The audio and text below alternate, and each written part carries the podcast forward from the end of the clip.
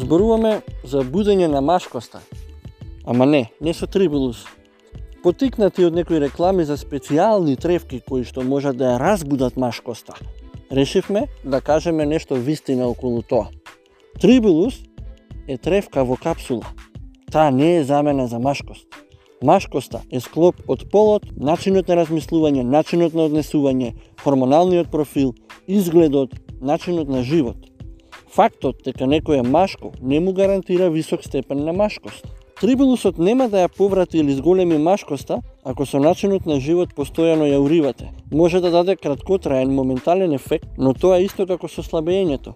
Симнав 3 кила и потоа качив 5 потоа симнав 8 кила, ама потоа качив 14. Знам јас многу за слабење, со години слабеам.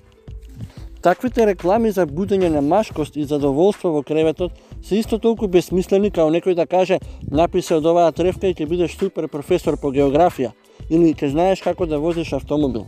Уште побесмислено е да веруваш во таквите реклами. Сега, како се буди машкоста?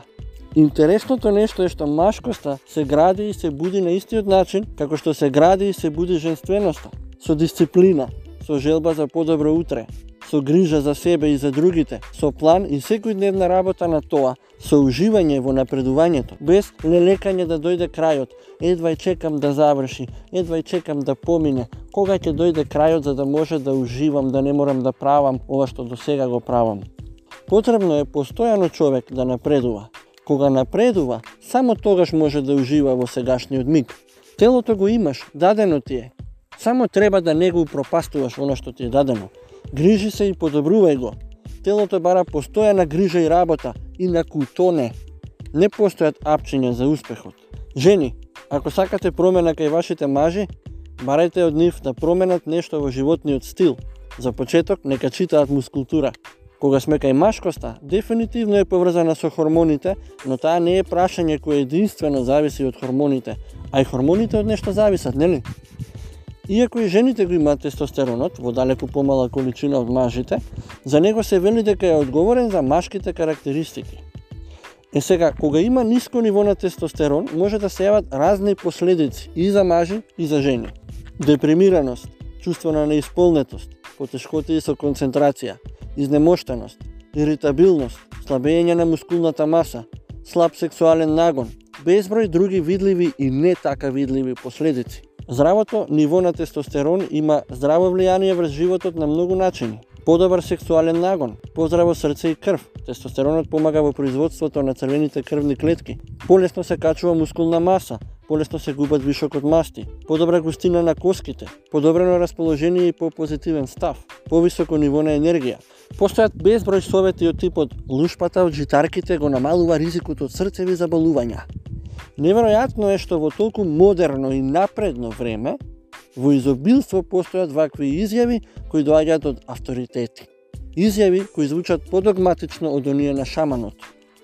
А во реалниот свет многу е поздраво човек да се погрижи како природно да го зголеми нивото на тестостерон и на хормонот за раст, или како да го намали покачениот инсулин, Тоа го намалува ризикот. Ако инсулинот ти пука до небо, лушпите од овес нема да го решат тој проблем, иако некои научни истражувања кажуваат дека помагаат за заштита на срцето. Тие не кажуваат дека лушпичките не ги штитат луѓето од невежбање, од погрешна исхрана и од штетните навики. Секако, за сите поволни здравствени состојби, како еден од главните проблеми ќе го сретнете стресот. Според медицината, стресот се смета за можен извор на речиси секое заболување. Исто како што тестостеронот, стекнат на природен начин, го подобрува расположението и ставот, што во превод значи го намалува стресот, така и зголемениот ментален стрес го влошува расположението и ставот. Стресот се решава на многу едноставен начин, со живење, и тоа што е можно поисправно. Стресот не се решава ако го решите проблемот што мислите дека ви е најголемиот извор на стресот, а потоа ќе може да се има супер тестостерон, а до тогаш па џабе е вежбање или исхрана или посветеност за себе. Значи прво морам да се средам за да можам да вежбам. Ова е убиствен став. Најмногу затоа што толку се чини логичен, па така останува невидлив. Гледате дека преку својот став човек може трибулусот и што било друго всушност да го користи како замена за исправно живење, а при тоа несвесно или свесно да продолжи со старите грешки. И тој ќе очекува дека трибулусот него ќе му ја прави исправноста во животот, или тревките, или лушпичките, или какви било трикови и церемонии. Трибулусот не ги лечи неисправностите во живењето.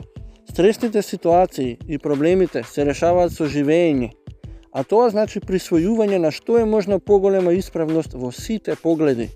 Грешките во исхраната не се лечат со липосукција или со лекови за блокирање на холестерол. Патем кажано, холестеролот е главна состојка за производство на тестостерон. Грешките во исхраната се лечат со усвојување поголема исправност во исхраната. Мрзливите ќе речат, е па сега свет цели да бидеме. Тие секогаш се вадат на крајности, кога се работи и за најмала промена. Ако му речете да воведе малку поголема исправност, например да почне да спие барем 7 часа, тој ќе мисли дека го терате да стане маченик. Колку повеќе исправност ќе усвоиме во нашиот стил на живот, толку подобро ќе ни биде. Тие што не сакаат тоа да го прават, ја трампаат убавината на животот за ситни задоволства, кои всушност не се никакви задоволства, туку се резултат на мрзливост или страф од неуспех или апатија. Сушност, тие ситни задоволства се нивната представа како изгледа убавиот живот. Задоволството доаѓа од исправно живење. Првиот чекор е нашето тело. Може би ќе си помислите дека ова е кажано директно или грубо. Не се секирете.